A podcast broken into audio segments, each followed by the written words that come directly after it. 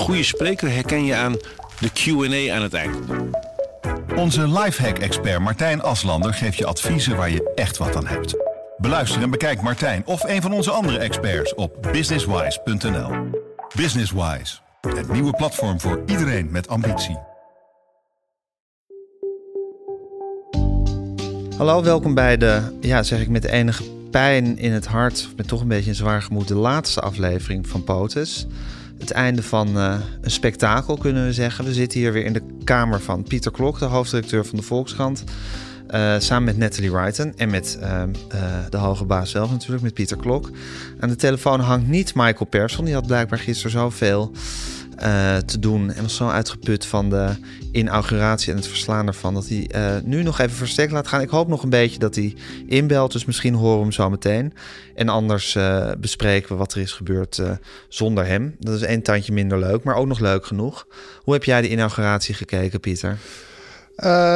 Nou ja, ja, ik was vooral verheugd dat er ineens allemaal normale mensen om de president van Amerika stonden. Dus die terugkeer naar normaliteit vond ik eigenlijk wel heel prettig. Ja. Uh, want tot voor kort stonden er mensen als Jared Kushner en die hele entourage van Trump. Ja, je bent eraan gewend geraakt, maar als dat ineens wegvalt en er staan gewoon weer normale, uh, op het eerste zicht weldenkende mensen die enige waardigheid in acht houden. Dat, dat voel ik toch wel als een opluchting. En het was, het was mooi weer en ik vind het altijd een heel mooi moment, zo'n januari zonnetje. Dus dat vond ik er allemaal wel uh, uh, mooi aan. Ja, tegelijkertijd, Joe Biden blijft niet de meest charismatische nieuwe president. En je merkt ook wel dat zijn stem wat zwak is, waardoor hij voor je gevoel behoorlijk moet forceren om, er nog, om nog een bepaald volume eh, te halen. Maar dat leidt wel tot een zekere eentonigheid. Het is, het is niet iemand die nog het hele repertoire met zijn stem lijkt aan te kunnen. Dus ja, dat leidde bij mij een beetje af van de boodschap. Dan is het moeilijk om meegesleept te raken door wat hij uiteindelijk zegt. Je kunt het beter laten teruglezen dan, dan vind dan ik het helemaal zeggen. Ja. Had jij dat ook, Natalie? dat je het terugleest en dat je dan pas mooi vindt. Nou ja, dat, dat, je, dat, je, dat, je, dat, dat de boodschap niet geheel tot je doordringt als de oude baas het zelf allemaal uh, Nou, te volgens brengt. mij, uh, voor mij in ieder geval, hoe ik er naar keek, is dat het toch een soort, ja, Amerika die weer in een soort gratie terugkeert. Hè? Dus het is misschien niet de letterlijke woorden die allemaal uh, blijven hangen, maar zijn boodschap uh, dat uh, Amerika heel erg verdeeld is geweest en het tijd is om de wonden te helen. Ja, ik denk dat toch uh, veel Amerikanen daar in ieder geval een traantje bij weggepinkt hebben. Een boodschap die jij ook telkens herhaalt eigenlijk. Hè? Die die telkens ja. herhaalt. En nou ja, goed, of je nou voor of tegenstander bent, het is in ieder geval niet de, de, de ruziestoker die, die Trump was. Hè? Dat kan je goed of slecht vinden. Maar nee, Biden die gaf wel weer een soort ehm, ja, beschaving, misschien ook wel een beetje compassie weer terug in, ja. het, in het ambt. Hè? En dat, uh, ja, dat was denk ik, ik vond het mooi om te zien in ieder geval. Want vier jaar geleden waren we echt in shock. Hè? Want toen had hij aanvankelijk de, de, de, zijn uh, presentatie, toen hij net gewonnen had, die viel nog wel mee. Die was nog wel te doen hè, van Trump toen. Maar toen, toen, toen bij de inauguratie ging hij totaal los. Die, die speech bleek later geschreven door die adjudant Miller, geloof ik. En die, en, die had en, en Bannon. Die hadden daar een heel radicaal verhaal van gemaakt. En in vergelijking daarmee is, is dit wel, zijn het heerlijk zalvende woorden natuurlijk. Ja, dus dat is prettig. En misschien is dat hele uh, oude en misschien wat zwakke ook wel prettig... dat er zo'n soort niet bedreigende, niet testosteronrijke man staat, maar gewoon iemand. Het ja. zou wel eens heel goed kunnen werken, ja. Dat, ja. dat denk ik wel. Want hij straalt wel waardigheid uit, ook juist vanwege zijn leeftijd. En misschien is dat wel wat Amerika nodig heeft. Als daar weer iemand staat die heel krachtig is en heel krachtig de andere kant op, op gaat, dan krijg je kan direct een tegenreactie. Zijn. Ja, dus ik geloof niet altijd dat sterke leiders per definitie goed zijn voor een land. Nee. En je kan zeggen, in de huidige fase waarin Amerika zit, is, is, heeft hij misschien wel het ideale profiel. Ja. Dat hij ruimte biedt aan anderen, zelf niet de behoefte heeft om er frontaal in te vliegen, waardoor hij zelf niet zoveel vijanden krijgt. Misschien dat zijn ministers op een gegeven moment wel vijanden krijgen. Hè. Die moeten misschien wel uh, beleid wat agressief uitvoeren. Maar misschien is het heel goed dat de allerhoogste uh, ja, wat terughoudende opstelling. De waardigheid van, van de ouderdom heeft. Ja, en ja. een wat terughoudende opstelling kiest en, en meer voor wijsheid kiest dan voor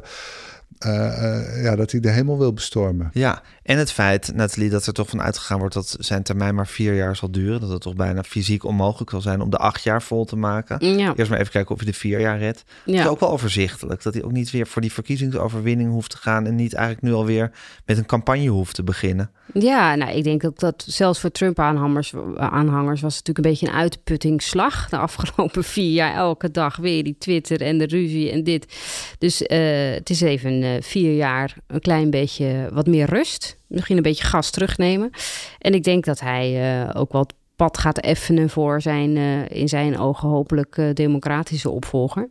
En dat zou best wel eens uh, Kamala kunnen zijn, natuurlijk, zijn vicepresident. Dat ligt wel in de reden natuurlijk, ja. dat, zij, uh, dat zij de volgende kandidaat Ja, hij is nu 78, hè, dus over vier jaar dan is hij 82. Ja, er zijn veel uh, eh, 82-jarigen die uh, nog hemels bestormen, maar ehm, ik weet niet zeker of hij het gaat doen. Dit is wel een flinke hemel om te bestormen. Zeker. En die hele inauguratie van gisteren, had hij nou meer dan een, was het nou een symbolische betekenis of is er ook daadwerkelijk iets gezegd waar je nog van achterover viel of zegt, nou dat is eh, dat is, uh, daar, daar had ik niet op gerekend van tevoren. Nou, niet zozeer dat ik er niet op gerekend had, want het was al duidelijk dat hij een boodschap van, van eenheid ging, uh, ging uitspreken. Mhm. Maar ja, goed, het blijft natuurlijk toch uh, bijzonder als je iemand hoort zeggen: hè, woorden doen ertoe. En uh, we hoeven niet elk meningsverschil hoeft een, een volledige oorlog te worden het klinkt allemaal zo logisch, maar dat was het eigenlijk vier jaar lang niet. Hm? Dus dat is wel, ja, ik, ik, ik vond dat wel bijzonder om ja. te horen. Ja. ja. wat slim was, hij noemde geen enkele vijand. Hè? Hij noemde Trump geen enkele keer, uh, maar hij noemde ook China geen enkele keer. Dus, dus het hele vijandsdenken, dat had hij er heel strak uitgehaald, wat, wat ik eigenlijk wel heel slim vond dat hij, hij gaat er gewoon niet over hebben. En ik denk dat, ja, dat zou ik ook als strategie kiezen. Er zijn mensen die zeggen, ja, nee, we moeten nu meteen gaan impeachen Trump en we moeten nu meteen nog even wat dingen rechtzetten. Maar ik denk, misschien is het wel veel beter als je hem even niet noemt. En gewoon misschien eerst je op dingen richt waar je het wel over eens kunt worden. Ook met de Republikeinen misschien. Gewoon als strategie. Uh, dat je niet nu een soort schoonmaak wil, wil houden. En, en nou ja, dat vond ik een gunstig voorteken. Want natuurlijk in, in de, het Senaat en het Huis willen de Democraten nog wel degelijk impeachen. Nou, dan haal je weer heel veel boven. Haal je ook heel veel pijn en woede weer naar boven. En, en het lijkt mij goed als hij daar in ieder geval niet in meegaat. Als hij gewoon zegt: ik, ik doe dat niet. Nee. Ik ga geen vijanden aanvallen ik blijf degene die naar eenheid blijft streven. En, en dat er tegelijk de democraten zijn die dat wel moeten doen. En dat er soms ministers zijn die confrontaties aan moeten gaan. Hij brandt zijn handen er nu niet aan. Ik denk dat dat een hele verstandige uh, houding is. Het is bijna een beetje koninklijke houding, hè, wat je in een monarchie ziet. Hè. Daar, daar, heb je ook de ministeriële onschendbaarheid. Dus het is een soort verbindende figuur die boven alle partijen ja, staat. Het heeft nou, iets kleurloos, maar ook iets zalvends wat dat betreft. Ja, en, en als je het zo invult, ik denk dat dat op dit moment nogmaals uh, misschien wel heel verstandig is. Terwijl Nathalie, de eerste daden die hij deed waren allemaal uh, omstreden beslissingen van Trump, zich terugtrekken uit het klimaatakkoord van Parijs, uh, zijn, de samenwerking met de World Health Organization verbreken, om die allemaal weer terug te draaien. Ja, maar dat zijn vrij eenvoudige dingen die hij kan doen. Hè. Hij heeft geld stopgezet of juist een andere kant op geduwd, dingen versneld. Hè. Dus hij heeft gestopt. inderdaad gezorgd dat de muur gestopt is. Amerika gaat weer meedoen aan het klimaatakkoord. Er is een, de ban die er was op allerlei moslimlanden om naar, uh, naar Amerika te vliegen.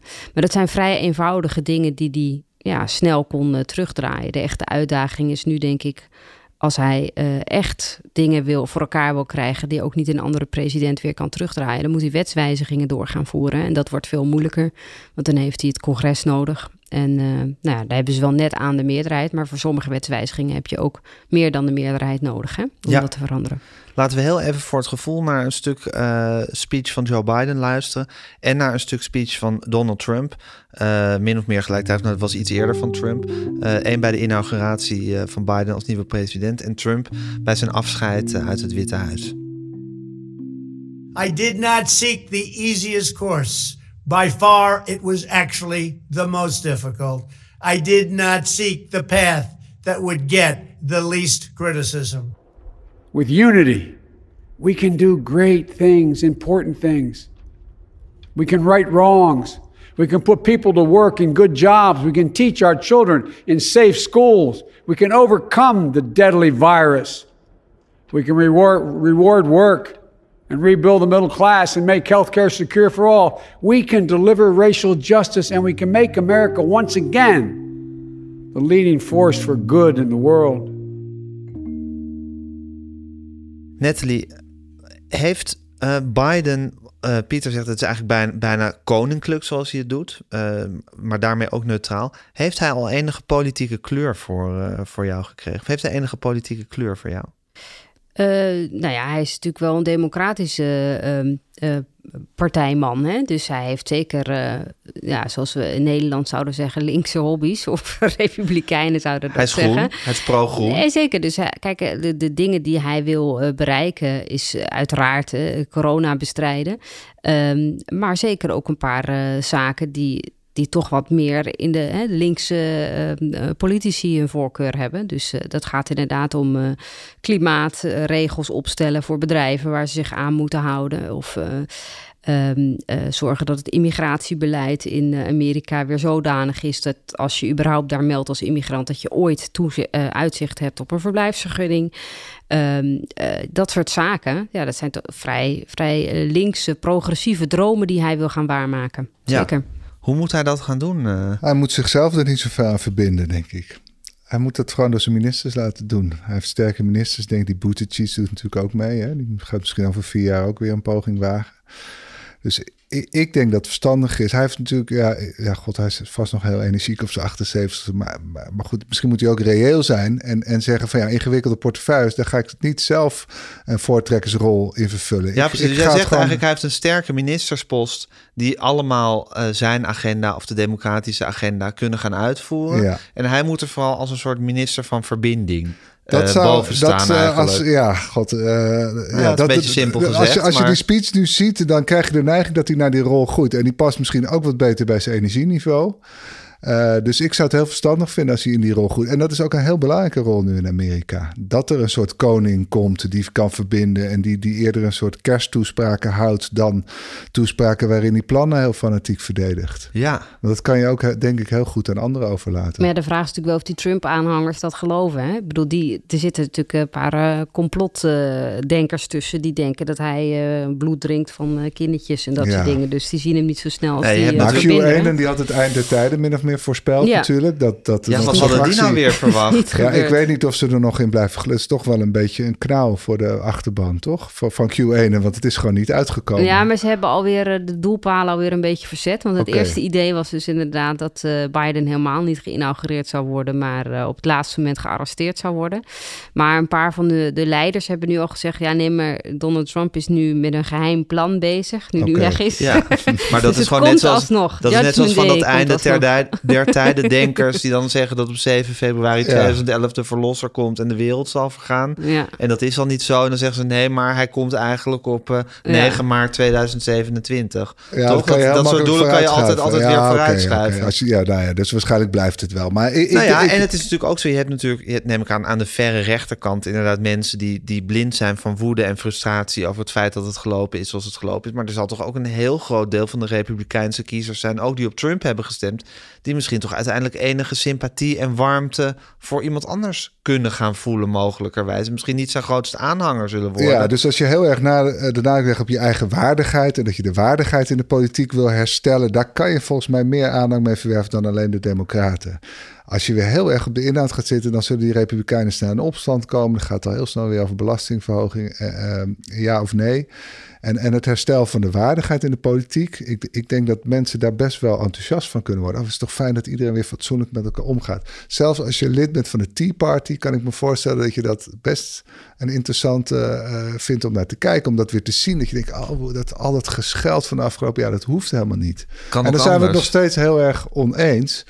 Maar dan is Biden het symbool van het herstel van de waardigheid. En, en ja, dat is ook een, een, een, eh, een propositie. Maar het is de vraag natuurlijk of, hij, of hem dat gaat lukken. Omdat Trump natuurlijk nog niet van het toneel verdwenen is. Hè? Hij is natuurlijk geen president meer. Maar, er wordt aan alle, aan alle kanten wordt er gesuggereerd... dat hij toch nog een politieke beweging gaat beginnen. Dan wel zelf, dan wel met familieleden. Hè? Dus eh, ik, ja, goed, ik denk wel dat je gelijk hebt, Pieter. Hij zou, eh, Biden zou een heel goed verbindende rol kunnen spelen. Maar de vraag is of hij ja, zichzelf zo als verbinder kan blijven neerzetten als Trump hem blijft uitdagen. Hè? Want die krijgt nog steeds, eh, als hij nu een rally organiseert, krijgt hij duizenden mensen op de been. En dan, ja, dan, dan kan Biden al snel in de, in de verdedigende hoek worden geduwd. Ja, hè? maar Of volgens mij moet dat dus negeren. En daar is hij mee begonnen. En ik zou eh, dat, dat zou ik blijven waar. doen. Want als Ja. je inderdaad gevecht aangaat, daar heb jij gelijk in. Ja, als Ja. die polarisatie weer heel snel terugkeert, Ja, ja, ja. dan, dan wordt het weer. En, en dan wordt Amerika weer heel snel in twee helften verdeeld. Ja. Ja. Maar, maar ik, nou, nogmaals, als je het gewoon negeert, en laat hem die rallies maar houden. Ja, ja het is een ex-president die rallies houdt. Ja, gefeliciteerd zou ik zeggen. Eh, als je één ding weet, die, die verkiezingsuitslag is uiteindelijk toch heel onvoorspelbaar. Dus ja, ik, ik, je hoeft je er niks van aan te trekken, denk ik. Maar, Hey, en nog even de feitelijke gang van zaken, zaken nu met die tweede impeachment, eh Natalie. Mhm. Is er een manier nu nog waarop Trump zich niet nog een keer verkiesbaar zal gaan kunnen eh, stellen voor de, of eigenlijk voor een derde keer dan? Nou, dat Dus kan eigenlijk alleen maar als die eerste impeached wordt. Hè? Dus dat betekent dat eh, in de Senaat zitten 100 mensen. Dat betekent dat de 50 democratische senatoren daarvoor moeten stemmen, plus 17 republikeinen. En dat wordt echt heel erg lastig.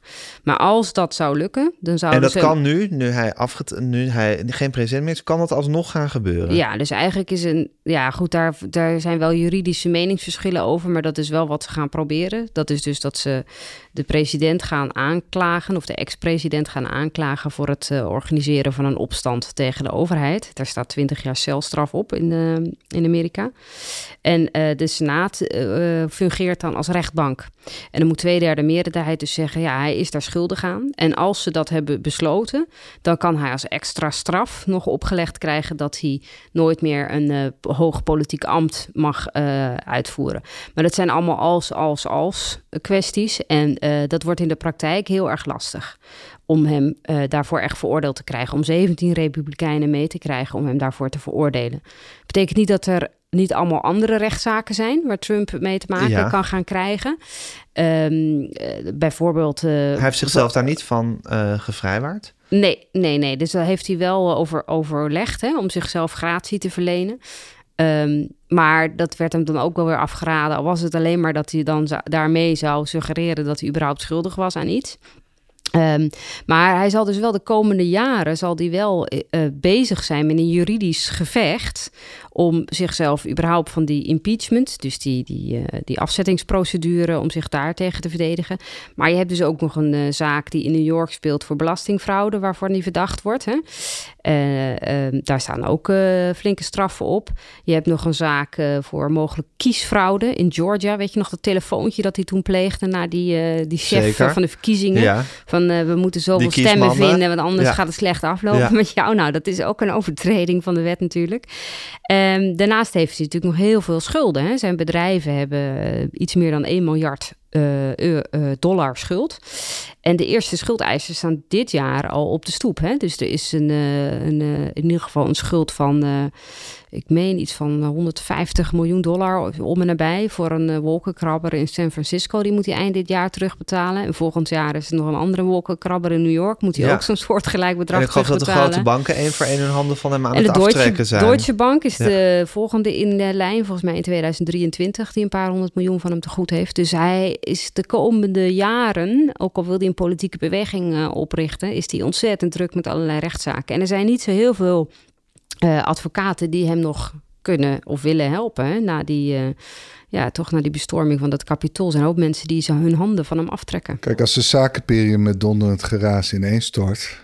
Dan, dan blijft er ook niet zo heel veel van hem over misschien. Nee. Van dat hele Nee. aura dat hij in ieder geval zelf heel rijk was geworden. Hè? Ja. Wat hem toch ook wel de overwinning bezorgt. Van iemand die zichzelf zo rijk kan maken... kan ons Ja. misschien ook rijk maken. Ik weet niet wat er van overblijft als straks iedereen... De dealmaker. Precies. En hij heeft natuurlijk, het is natuurlijk een financieel kaartenhuis. Hè? Hij is in het verleden al heel vaak langs de rand van de afgrond gegaan. Hij is eerder en- failliet geweest zelfs. Hè? Ja, En, en Ja. de enige reden dat ze toen zeiden... ja, die hotels zijn toch meer waard met zijn naam erop... dan zonder zijn naam erop. Dat was toen de enige reden dat, dat zijn imperium überhaupt bleef bestaan. Hij zei...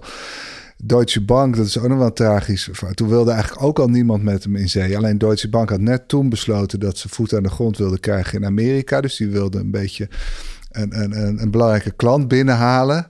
En dat ging toen nog heel moeilijk. Toen moest je geloof ik nog wel weer meenemen naar Mar-a-Lago of zo. Dus was toen, hij heeft echt heel, op het nippertje heeft hij weer geld binnengehaald om dat, om dat kaart... Het is een evenwichtskunstenaar Het is een evenwichtskunstenaar. Dus het kan nu wel dat, dat inderdaad door die aanval op het kapitool... Uh, dat, toch heel veel mensen denken... ja, maar het is gewoon wel echt een foute baas. Ja, het is toch wel zo dat na die aanval op het kapitool... mensen dan toch eindelijk hun handen van hem af begonnen te trekken. Ja, en dat kan... Uh, ook, ja, ook republikeinen. Ja, nou, Twitter heeft hij niet meer. Ik weet niet, ja, misschien straks weer wel, dat weet ik niet. Maar... Nee, voor Twitter is hij echt van het leven geband. Hè? Maar er kan een ander platform natuurlijk komen, waar is hij gemeld. Ja, nou ja, dus... dus Instagram. Ja, ik, ik weet ook niet of hij nog zo snel weer een tv-programma krijgt... zoals hij ooit had met die Apprentice. Daar heeft hij natuurlijk ook wel veel uh, steun aan te danken. Dus ja, het kan ook zomaar afgelopen zijn moet je ook niet uitsluiten. Nee. We moeten niks uitsluiten bij We Trump. moeten niks uitsluiten, maar het is wel weer fascinerend om te volgen. We hebben het sowieso over hem. Dat is ook wel weer... Ik zat ook wel weer te denken van... Lekker, hè? Toch? Wat, ja, maar ik zat ook weer te denken gisteren bij die, uh, bij die uh, inauguratie... dat hij natuurlijk, dat zijn karakter het gewoon niet verdraagt om een nederlaag te accepteren. Mm -hmm. Wat je toch moet doen als je daar gewoon gaat zitten en ziet hoe je tegenstander wordt ingevuld. Maar dat hij nou eenmaal ook gewoon het genie is in aandacht krijgen. En altijd weet hoe hij de meeste aandacht krijgt. En dat is toch ook door te, te schitteren door afwezigheid op die hele, die hele bijeenkomst. Dus ja, maar ik vond het eigenlijk ook wel weer een nederlaag dat hij daar niet was. Want hij was, er, hij was in één keer gewoon helemaal weg. Van de aardbol verdwenen was hij. En, en waardoor je ook denkt, we kunnen net goed zonder hem. Ja, dat had ik een beetje ja, het precies. gevoel. Als hij daar nog had geweest en ze hadden elkaar een beetje moeilijk de hand schudden... was het toch, dan was het conflict was zichtbaar geweest op het nog steeds in die hele setting. Ja, wat je vier jaar geleden wel een beetje geweest. had. Want er was Obama nog. Voelde je toch het conflict. Nu was er geen conflict. Ja, Mike Pence was er, maar die, die, die is al bijna overgestoken. Ja. Die probeert nieuwe vrienden te maken. Dus daardoor was het een conflictloze inauguratie. Uh, terwijl het toch een hele heftige uh, machtsoverdracht is. En dat zag je toch als een nederlaag dat, voor Trump. Ja, dat was, kwam Biden volgens mij heel goed uit. Want daarom hoeft hij hem ook niet te noemen. Kon hij helemaal de grote verzoener spelen. Dus ik, ik, weet niet of dit nou wel zo slim was. Ik vond het ook een beetje een zielige aftocht. Toch ja. ook wel. Ja, dat is het Via de wel. achterdeur. Het, was Ja. toch, het, het is toch ook een zielige vertoning. Dat je niet eens de, je opvolger de hand durft te schudden. Ja, we zijn nog steeds benieuwd wat hij op dat briefje heeft geschreven. Ja, dat is nog niet duidelijk. Hij heeft een briefje achtergelaten inderdaad. Hè, voor Biden in het Witte Huis. Het is traditie dat de ene president de andere een briefje schrijft. Uh, iets in de trant van jouw succes wordt nu het succes van het land. Hè, wat uh, de oude Bush volgens mij ooit had geschreven. Ja. En hij heeft een briefje achtergelaten. En Biden heeft gezegd, nou het was een gracieuze tekst. Nou dat kan natuurlijk uh, volop ironie zijn of waar zijn. Maar hij zei, ik ga er pas over praten nadat ik eerst zelf met Trump heb gesproken.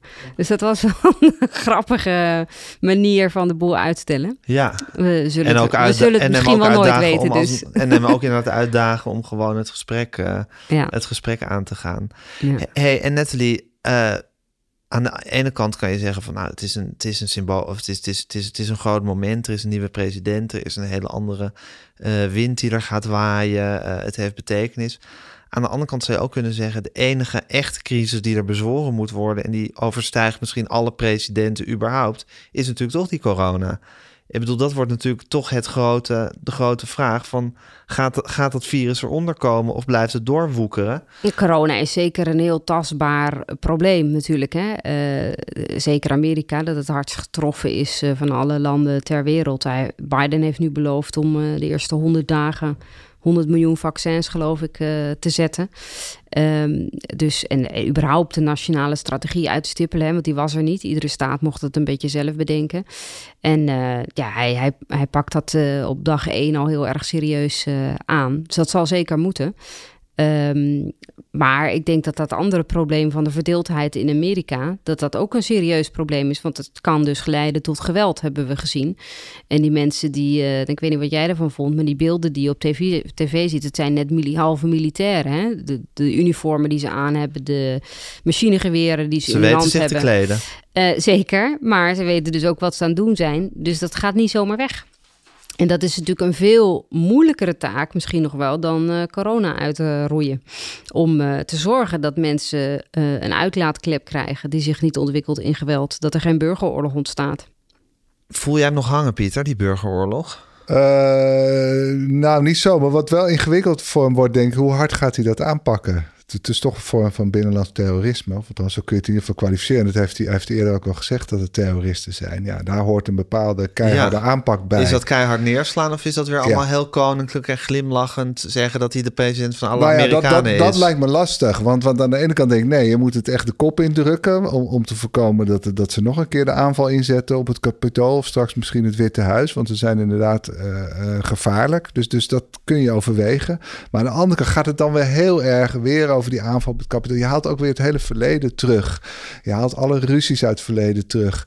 Ja, het is bijna net als je als ruzie met je vrouw hebt. Soms kan het dienstig zijn om, om een conflict even te laten rusten. Nou ja, en het probleem met alle vormen van terrorisme, hoe meer aandacht je het geeft, hoe meer je het laat floreren. Ja. Terrorisme bestaat natuurlijk eh, bij gratie van eh, de aandacht die Maar dat is heel ingewikkeld. Want voor hetzelfde geld slaan die lui wel een keer keihard toe. En, eh, en met alle eh, destructieve gevolgen van dien. Dus dat, dat, ik denk dat hij daar nog wel van wakker ligt. Maar dat is natuurlijk een beetje het argument wat de Republikeinen nu gebruiken. Hè? Van je moet die, eh, die bestormers met rust laten en ook Trump niet impeachen. Want dat veroorzaakt alleen maar weer meer verdeeldheid. En je wilt toch juist eh, eenheid, Biden, zeggen ze. Dus hè, laat ze met rust. Maar ja, je kan natuurlijk ook wat voor zeggen om, om überhaupt weer te helen, om de wonden te helen, moet je natuurlijk wel eerst onder de ogen komen wat er is gebeurd. Hè? Het is hetzelfde als met een Wat is jouw gevoel daarover, Natalie? Je hebt in allerlei delen van de wereld rondgehangen en vertoefd. Wat is, wat, hoe moet je omgaan met dit soort milities en, en onrust? En, Nou ja, tot nu toe wat, eh, wat er is gebeurd bij hele hevige conflicten, bijvoorbeeld hè, in Afrika en eh, ehm, in de. In de eh, eh, ben ik even kwijt. Rwanda hebben ze elkaar natuurlijk helemaal de hersens ingeslagen hè, in de jaren de negentig. Hutus en de Tutsis. Precies, eh, de genocide. En je kan niet het hele land in de gevangenis stoppen. Hè? En eh, wat ze dan meestal doen na dat soort hevige conflicten die over het hele land heen uitgespreid zijn, is toch met elkaar gaan zitten onder een boom of in een klaslokaal en gaan praten over wat er is gebeurd. En het aller, allerbelangrijkste om elkaar te vergeven en om de wonden weer te helen, blijkt toch altijd weer om eerst te erkennen wat er is gebeurd, wat, hè, wat je fout hebt gedaan. En door uit te spreken, ik heb dat gedaan toen en het spijt mij en dat had ik niet moeten doen, daardoor kunnen mensen weer verder. En, eh, en dat, dat, dat zie je ook in het klein, op het schoolplein, weet je wel. Er kan pas weer, eh, vriendschappen kunnen pas weer eh, ontstaan als de ene tegen de ander zegt, sorry, had ik niet moeten doen. Dus in, in, je kan wel zeggen, zoals de Republikeinen nu zeggen in, eh, in Amerika, van nou, hè, we moeten het vergeten. Je moet, hè, als je eenheid wil, moet je er vooral niet over praten. Maar zo werkt het niet in de hoofden bij mensen. Nee. Dus wat er toch nodig is, is eerst een soort een erkenning. wat ze op zijn basisschool voor- doen, kanjertraining moet je gaan doen. nou, ik zou het niet zo noemen bij de Amerikanen. Of kan je training voor Trump. Maar eh, het gaat natuurlijk toch om dat Republikeinen als partij erkennen, zeggen. wat daar is gebeurd met die bestorming van het kapitool. Het ophitsen van mensen. Dat is niet goed geweest. En daar heeft die senaatleider eh, Mitch McConnell al een eerste stap mee ingezet. Hè. Die heeft gezegd van nou, eh, ehm, eh, Trump die heeft toch bijgedragen aan het uitlokken van dit conflict. En dat was niet goed. En dat zijn eerste tekenen, denk ik, eh, van mensen die er toch over nagedacht hebben. Als je een land wil helen, dan is dat nodig. En Trumps rol daarin zou natuurlijk bijzonder groot kunnen zijn als hij Ja, zou erkennen dat. Als hij maar in dat, zijn linkerpink ook maar één molecuul eh, Ja. vergevingsgezindheid zou hebben, zou dat kunnen helpen. Maar, Maar dat wordt ja, lijkt mij lastig. En daardoor wordt het, blijft het natuurlijk altijd een klein beetje een, een zwerende wond. Ja, maar ik voel wel een beetje mee, Pieter, met Nathalie, van onder een boom zitten en tegen elkaar zeggen wat er is gebeurd, wat de, wat de ene heeft fout gedaan en wat de ander daar sorry voor zeggen. En kijken of je weer vergeving in elkaars hart kan vinden. Dat Ja. is misschien helemaal niet zo'n gek idee, toch? Nee, en het, die waarheidscommissie in Zuid-Afrika heeft ook deels heel goed gewerkt. Dus de- al, al wil je zo snel mogelijk verzoenen, moet je dat doen. Maar er willen ook altijd nog mensen gerechtigheid. Eh, dat is ook belangrijk om daar recht aan te doen. Ja, in dit geval zou ik als Biden zou ik, zou ik niet eh, al die mensen die het kapitool in zijn gestroomd keihard aanpakken, denk ik. Ik zou eerder toch proberen met ze in gesprek te gaan. Als je eenmaal hebt geïdentificeerd van Trump was hier de belangrijkste dader, hè, die heeft geroepen dat die verkiezingen fraud zijn. Nou, heel veel mensen hebben hem geloofd, wat misschien niet eens zo gek is, want het is de president. Dus de vraag is, ga je al die mensen die dat geloofd hebben, ga je die dan ook nog heel hard aanpakken? Ja, Eh, ja, dat Beter weet ik van niet. ik zou eerder met ze in gesprek gaan misschien. Dat, je, dat je niet zegt, nou, er zullen een paar leiders zijn die je wel degelijk eh, voor het gerecht moeten dagen. Maar ja, eh, die vrouw die is omgekomen, ja, die, die geloofde er echt in. Die dacht echt dat er iets vreselijks aan het gebeuren was, namelijk de verkiezingen Ja. werden gestolen. Geloofde ze echt. Haar democratische recht was had- haar ontnomen. Had de president haar verteld. Ja, dus die vocht, zou je kunnen zeggen, voor een goede zaak. Ja. Namelijk de democratie redden. ja. Eh, en de vraag, moet je dat, mensen die dat profiel hebben, moet je die dan nog keihard aan gaan pakken? Of moet je inderdaad uitstralen, met die mensen willen we in Dus gesprek, want die beschouwen een wij- foto, een foto van Joe Biden met die gast met die, met die rare buffelmuts die op zijn hoofd. die zou ik even overslaan. Nou, zijn vrienden. Maar goed, in de Oval Office, Nou ja, waarin ze elkaar een hand geven of een box. Eh, nou, kijk, gelukkig heb je in Amerika ook nog een trias politica. Hè? Dus Biden gaat er niet over of die man wel of niet in de gevangenis komt. Dat doet justitie. En dat lijkt mij niet de meest voor hand liggende persoon. Maar hij heeft volgens nee, mij maar het ook gaat over het, het verzoenende gebaar. Nee, maar volgens mij heeft hij dat ook in zijn speech gedaan eh, eh, bij zijn inauguratie. Volgens mij zei hij toen, als ik het me goed herinner, eh, heel veel mensen zijn jarenlang gevoed met leugens. En dat had niet moeten gebeuren. Hè? We moeten opkomen voor de waarheid en we moeten benoemen wat leugens zijn. Dus volgens mij is dat al een beetje een poging, wat Pieter zegt, om een handreiking te doen naar al die mensen die voorgelogen zijn. Om, eh, eh, om te zeggen van ja, dat was ook niet helemaal alleen jullie schuld. Ja. Hey, en Pieter, we zitten hier in het eh, kloppend hart van een van de grootste kranten van Nederland. Ehm, de Amerikaanse pers, heeft die ook nog een rol in dit? Moeten die ook eh, bij zichzelf te raden gaan of een nieuwe positie innemen? In ieder geval hebben ze een taak of een plicht, anders dan alleen maar verslag doen van wat er gebeurt. Nou, het zal voor sommige media, die moeten wel op zoek naar een nieuwe identiteit. Want de identiteit van de New York Times was toch gewoon dat ze achter Trump aan zaten. Zowel onderzoeksjournalistiek gezien, maar ook in opinie. Ze hadden een heel duidelijke tegenstander. En, en ook een tegenstander die hen ook aanviel. En Ja. ook hele kwalijke aan. Die hielden elkaar in stand Die eigenlijk. hielden elkaar in stand. En ik denk dat ze, ja, dat is nog niet eenvoudig, denk ik. Die moeten een soort nieuw, eh, nieuw doel zoeken voor zichzelf. En, en eh, ja, die zullen ook wel merken dat hun bezoekcijfers snel gaan afnemen nu. Want eh, ja, voor de rest van de wereld is denk ik eh, Joe Biden iets minder interessant dan, dan Trump. Ja, Dus ik ben deze- vooral heel benieuwd hoe ze zich gaan ontwikkelen. Ja, ik zou als ik hem was, ja, ze moeten weer heel erg op de inhoud van wat zijn de echte problemen in Amerika. Eh, daar, daar zou ik het in zoeken, Maar denk ik, als ik hoofdredacteur zou zijn. En, en En als je dat zegt, daar zit dus ook bijna een soort verzoenend gevoel in richting al die mensen die dus zo boos, verontwaardigd. eh, Ja, laten we, laten we de, problemen identificeren die, die ook voor hen een probleem zijn. Hè? Dus weet ik veel, een hoger minimumloon of, of wel die groene economie, maar liefst zo dat niet een deel van Amerika eronder leidt. Hè? Want er zijn er nog steeds veel Amerikanen afhankelijk van die eh, fracking, die aardgaswinning. Dus als je als krant ook zoekt naar thema's eh, en die gaat eh, onderzoeken die het land kunnen verenigen. Ik, ik kan me voorstellen dat ze daar wel een nieuwe missie in kunnen vinden. Want, want kijk, het gaat heel veel over identiteit. Eh, in de media gaat dat heel veel over identiteit. En, en nou ja, toevallig heb ik net weer een lezersonderzoek gezien waar, waar onze lezers, wat onze lezers belangrijke onderwerp vinden. Het zijn bijna allemaal sociaal-economische onderwerpen. dus Ik zou zeggen meer over de sociaal-economie en minder eh, dat, die, die identiteitsverschillen benadrukken. Want, Ja. want, want vaak hebben die mensen hebben hetzelfde probleem. Hè? Eh, De zwarte in de achterbuurt hebben hetzelfde probleem als die, als die eh, white trash, zoals ze met weinig respect worden genoemd. Ja. Ja. En, en, en, dus, en, en hun Namelijk problemen moet je oplossen. leeg is en dan gaan ze ondertussen, nou, vooral wit dan. Wit gaat zwarte te lijf, maar, maar uiteindelijk is dat niet het echte probleem. Nee. Eh, en, en ik denk dat je als medium daar misschien ook wel een rol in kan spelen. Door ook, ook te laten zien wat de echte issues zijn. vind jij dat net dat je als, als, als journalist of als nieuwsmedium een andere taak hebt dan gewoon verslaan wat je, wat, wat je voor je ogen ziet gebeuren? Heb je ook nog een soort plicht een bepaalde kant op?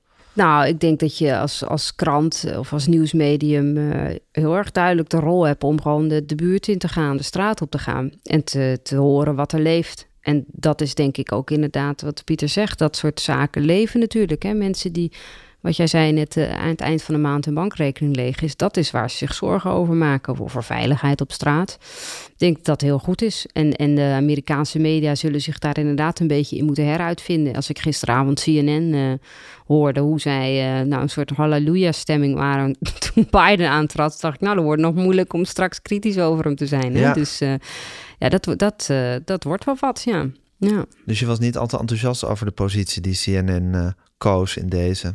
Nou, dat, ik, ik, ik, ik bekijk het met veel enthousiasme. Ik vind het erg leuk om te zien. Maar het was natuurlijk zeker wel op een gegeven moment een soort persoonlijke vendetta geworden. En dat is niet helemaal eh, eh, onbegrijpelijk, omdat Trump, eh, die zijn er zelf ook was ook enorm... over ze Het afgeroepen. was zeer wederzijds, hè. Ehm, maar de vraag is wel hoe zij Ja, maar ze hadden zichzelf misschien van, wel gisteren misschien iets meer in acht kunnen nemen eh, bij, die, bij die inauguratie. Nou, je hoorde nog net niet die champagnekurken ontloppen Nee. op de achtergrond bij Nee. de presentator, maar het had bijna gekund. Terwijl ja. dit toch eigenlijk inderdaad het moment was geweest om jezelf te herijken en te zeggen: Ja. oké, de, de, de vendetta, de oorlog tegen Trump is nu voorbij. En nu zijn we weer Ja. eh, het, het, het neutrale nieuwsmedium nou ja, dit wat we kan ook nog wel zijn. komen. hè. Het is natuurlijk eh, pas dag één. Eh, Tuurlijk, maar dat nu is, maar dat is precies eh, wat je zegt, dat is dag één. Dat is dag Ja. één dat je dat eigenlijk weer moet gaan doen. Nou, ik denk dat ze ook even diep adem hebben moeten halen. Een nieuw hoofdstuk is aangebroken in. Amerika. Het nieuw Deze dawn. geven we ze nog Eh, even. Zoals dat... eh, Wat, de- wat ik nog wel interessant vind, eh, vier jaar geleden was heel duidelijk, dit was de triomf van de witte arbeider, hè, min of meer. Daardoor had Trump gewonnen. Eh, mijn overtuiging is, dit- keer is het toch echt, het is te danken aan Georgia dat de Democraten hebben gewonnen. Dat is ook vrij letterlijk te danken aan Georgia, hè, dat ze Ja. daar die twee senaatzetels nog hebben gewonnen.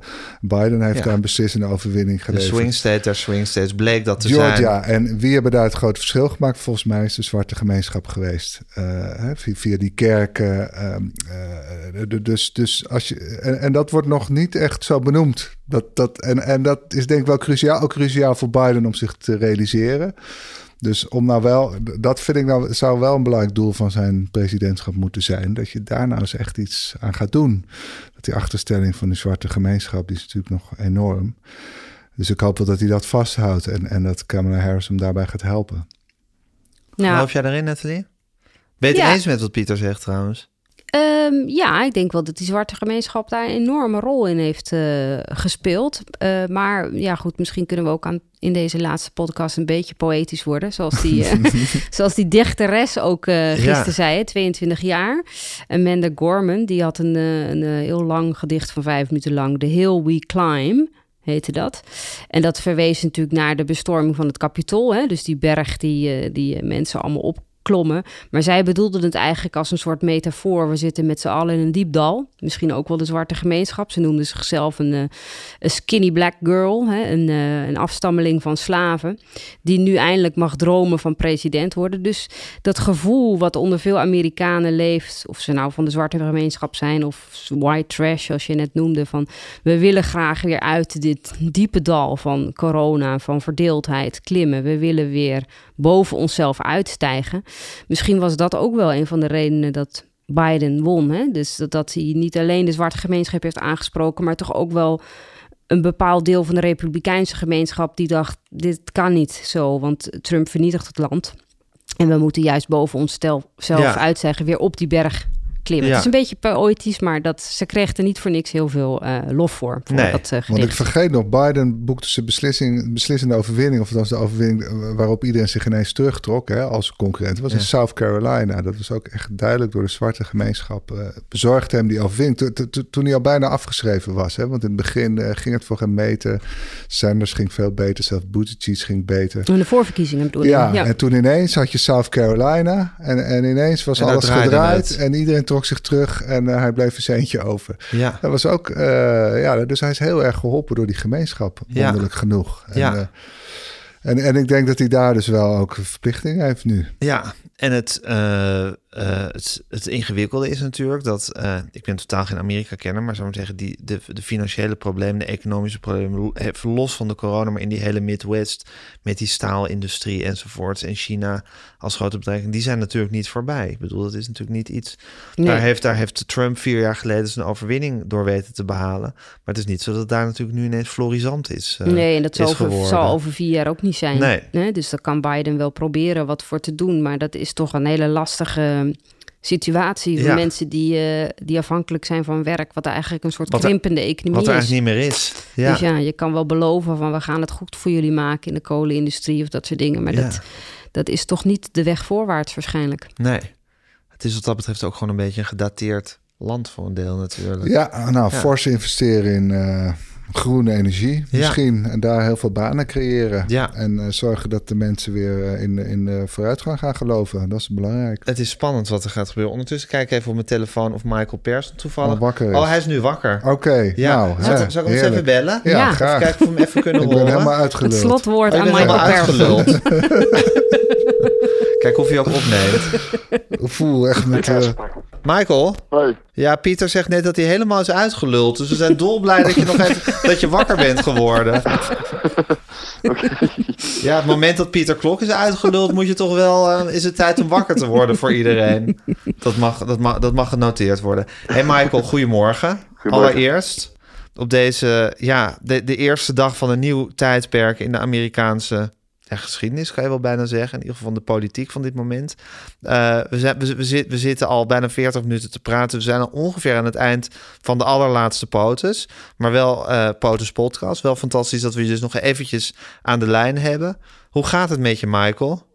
Eh, goed, goed. Ja, nee, ik, had, ik was gisteravond al of vannacht naar New York gereden. Ik dacht, kan ik fris beginnen met, met eh, deze nieuwe periode? Maar goed, het had wel, is wel minder fris dan ik had verwacht. Het is toch, eh, na, na via Trump heb je toch even eh, iets meer slaap nodig dan ik dacht. Voelt dat, voelt dat zo dat je nu echt via Trump er even uit moet, uit moet slapen?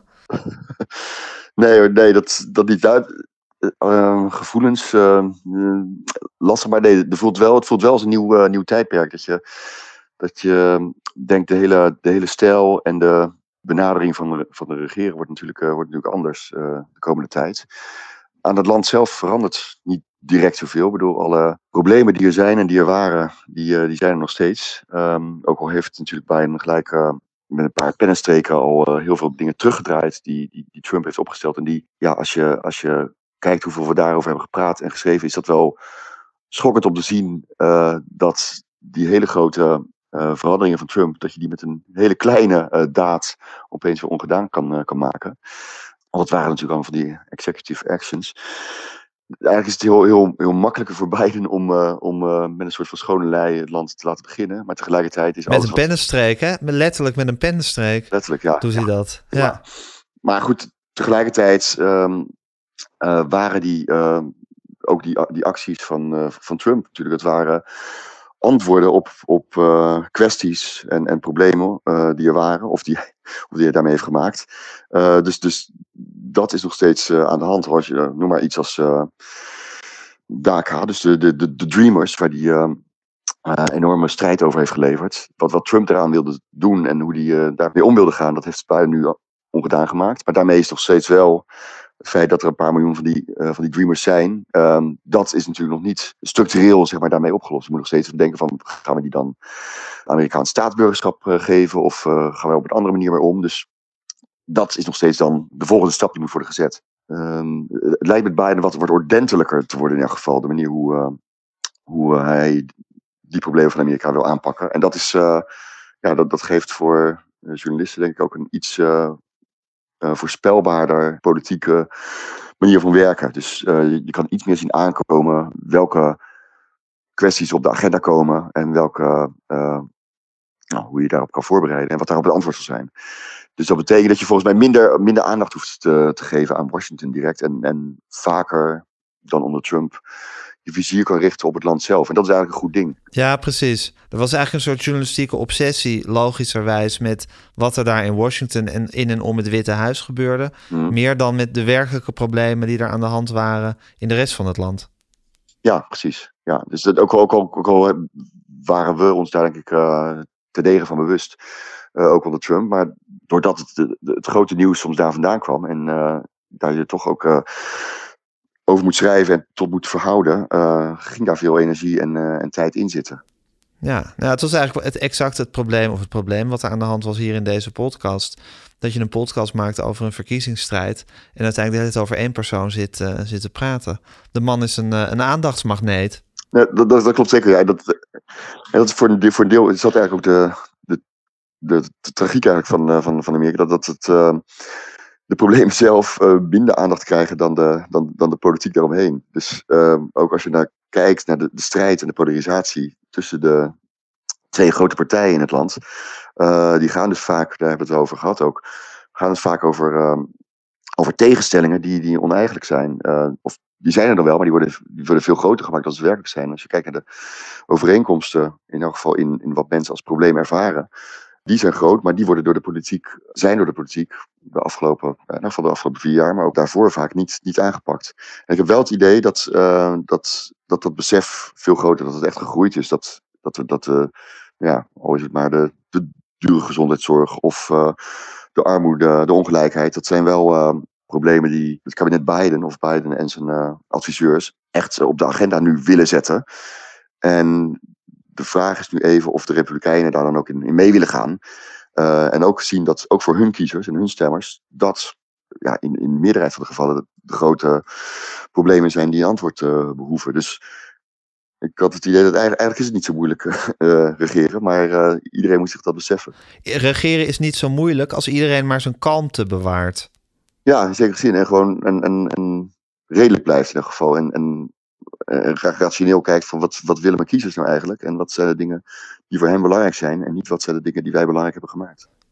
Pieter zei dat het ook wel heel zalvend was om gewoon niet een bende ruzieschoppers uh, bij zo'n inauguratie te zien, maar uh, mensen die met enige gratie, kalmte en waardigheid gewoon uh, daar aanwezig waren en hun speeches hielden. Vond jij dat ook prettig? Was het prettig om naar te kijken? Ja, nou ja, prettig, dat klinkt dan inderdaad wel snel alsof je er een oordeel over hebt, over, over wat ze te zeggen hebben. Maar de, manier waarop uh, dingen gebeuren, die waren inderdaad wel. Creëerde wel een soort zen-gevoel. Uh, en mij en ook bij anderen had ik het idee, zelfs al was het maar zoiets eigenlijk simpels als die avond ervoor, waarin die herdenkingsdienst of die herdenk, herdenkingsplechtigheid werd gehouden bij het Lincoln Memorial voor de COVID-doden die zijn gevallen. Zoiets simpels. Want eigenlijk is dat gewoon. Je, je doet een ritueel om, om samen te rouwen uh, over, nou, over die honderdduizenden doden die zijn gevallen. Dat had, had Trump natuurlijk ook, ook makkelijk kunnen doen. Als hij dat belangrijk had gevonden en als hij vond dat de aandacht had moeten worden gevestigd op al die doden die zijn gevallen. Dan uh, had hij dat kunnen doen. Dus eigenlijk een vrij apolitiek ding. Zelfs een soort van nationalistisch ding zou je ervan kunnen maken. Je zou echt dat, dat verdriet inderdaad kunnen bundelen op zo'n moment. En ook al is dat niet iets wat eigenlijk niet heel nieuwswaardig is. Het is je hoeft er verder niet uh, journalistiek over te schrijven. Maar ik had wel juist daardoor het idee van dit zijn, dit zijn inderdaad uh, eerzame daden die je als politiek kan doen. En je kan het zelf zalvend noemen, zalvend voor de, voor de ziel. Ja, ook al, ook treft dat mij als journalist niet direct, maar dat treft mij wel direct, omdat ik zie dat wat voor rust daarvan uitgaat voor voor het land. Er zijn natuurlijk steeds, nog steeds is de, bijna de helft van het land die de basishouder daarvan is. Alles wat er van deze nieuwe regering komt, kan niet goed zijn. Die, die sceptisch, die, die zul je moeten overwinnen. Maar ik heb wel het idee dat het met dat soort basale waardigheid, dat, dat die uiteindelijk ook veel meer mensen raakt dan alleen de mensen die op Biden hebben gestemd. Oké. Nou, Michael, ik dank je heel hartelijk voor je uh, verslag uit Amerika de afgelopen weken. Slaap nog even door, zou ik zeggen. en, je, hebt, je, hebt, je hebt wakker geduld, Gijs. Oh, sorry, sorry, shit. Nu, ga, nu, ga, nu zou je zien dat je binnen no time weer gewoon zit te tikken. Zo gaat het altijd met jou. Nou goed, misschien ook wel weer goed. Pieter begint helemaal te stralen bij dat idee. Uh, dankjewel, Michael. En uh, nou, we horen sowieso van je via welk, via welk nieuwsmedium. Ja, dat je, dank jullie wel. Nou, dat waren uh, de zalvende woorden van Michael. We kunnen niet anders dan ons uh, daarbij aansluiten, hè, denk ik. Ja, mooie ja, laatste woorden. Mooie laatste woorden. Pieter Klok, Natalie Wrighton, uh, de Kamer van Pieter Klok. Allemaal bedankt dat we hier konden vertoeven de afgelopen weken... om, om u en onszelf bij te praten. Maar, maar, wij, gaan door, wij gaan door, hè? De Nederlandse verkiezingen ja, maar moeten we moeten volgens mij ook echt over Rutte, of... gaan, over Rutte gaan hebben. Want dat is toch wel heel interessant wat daar gebeurt. Oh goed, Pieter begint weer helemaal op te, nou, op te leven. Ja. Nou ja, ik, ik, heb het, ik, ik, maak me wel zorgen om die man. Maar goed, daar ga ik dan... Maar om hem persoonlijk? Af... Of, Nou, ik was altijd een fan van hem. Maar ik zie er een soort zelfingenomenheid insluipen. Ja. Dat hij denkt van niemand kan mij nog iets maken. Eh, die ik wel zorgelijk Oh, vind. dan begint een soort ont ontastbaarheids... ja, eh, en, en kijk, ik, gedachte bij hen te dat- leven. Dat, mensen, Onaantastbaarheid. je moet, ik heb altijd gezegd dat je na tien jaar weg moet wezen als je een leidinggevende positie hebt. Ja. Hè, want bij Helmut Kool ging het ook mis. Op een gegeven moment gaat het altijd mis als je te lang de macht hebt. ja, precies. Er is een Uh, soort alleen- termijn die de menselijke ziel aan kan voor de Ja, macht hebben. En op een gegeven moment ga je erin geloven. die. En, en nou, alleen Angela, Merkel heeft zich daar weten te onttrekken. Maar dat is ook een vrouw. Ik denk, maar het is een typisch mannelijk fenomeen, vrees ik. En ik een vrees, mailtje ik, sturen dat, naar de ik, ik Volkskrant. vrees ja. dat ik dat bij Rutte nu zie. En daar maak ik me een beetje zorgen over. Dus daar wil ik in onze nieuwe podcast heel graag Ja, over ik denk dat hij gewoon weer premier wordt hoor. Nou, dat denk Ja, ik ook. hij kan wel premier maar worden. dat Nee, zie je. dat is het Maar dat probleem hij nu in de Kamer zei, dat vond ik echt een, wel een redelijk eh, eh, zorgelijke opmerking. Die zei van, ja, eh, jullie kunnen me toch niet meer wegsturen, want ik ben al weggestuurd. En dat hij eigenlijk ook al weet van, ik win toch weer die verkiezingen. En naast hem zit die Wo- Wopke Hoekstra net zo zelf ingenomen te kijken. Want die mannen weten al dat ze... De, dat ze Misschien moet je de politiek in, Het Pieter. volgende kabinet... Sorry. Eh, dat klinkt te veel naar Misschien moet je burgemeester van Hilversum worden, Pieter. Nou ja. Om een Nou, zijweg te Ja, noemen. Ja. maar eh, dat lijkt me interessant om dat Trump is, te weg, en je hebt Trump is weg en je hebt een nieuw eh, slachtoffer om, we eh, Ja. om emotioneel af te We gaan hebben in ieder geval weer iets nieuws om ons druk over Genoeg te over te praten. Natalie, Pieter, dank jullie wel. En eh, we praten verder. We'll meet again. Don't know where, don't know when. Oké.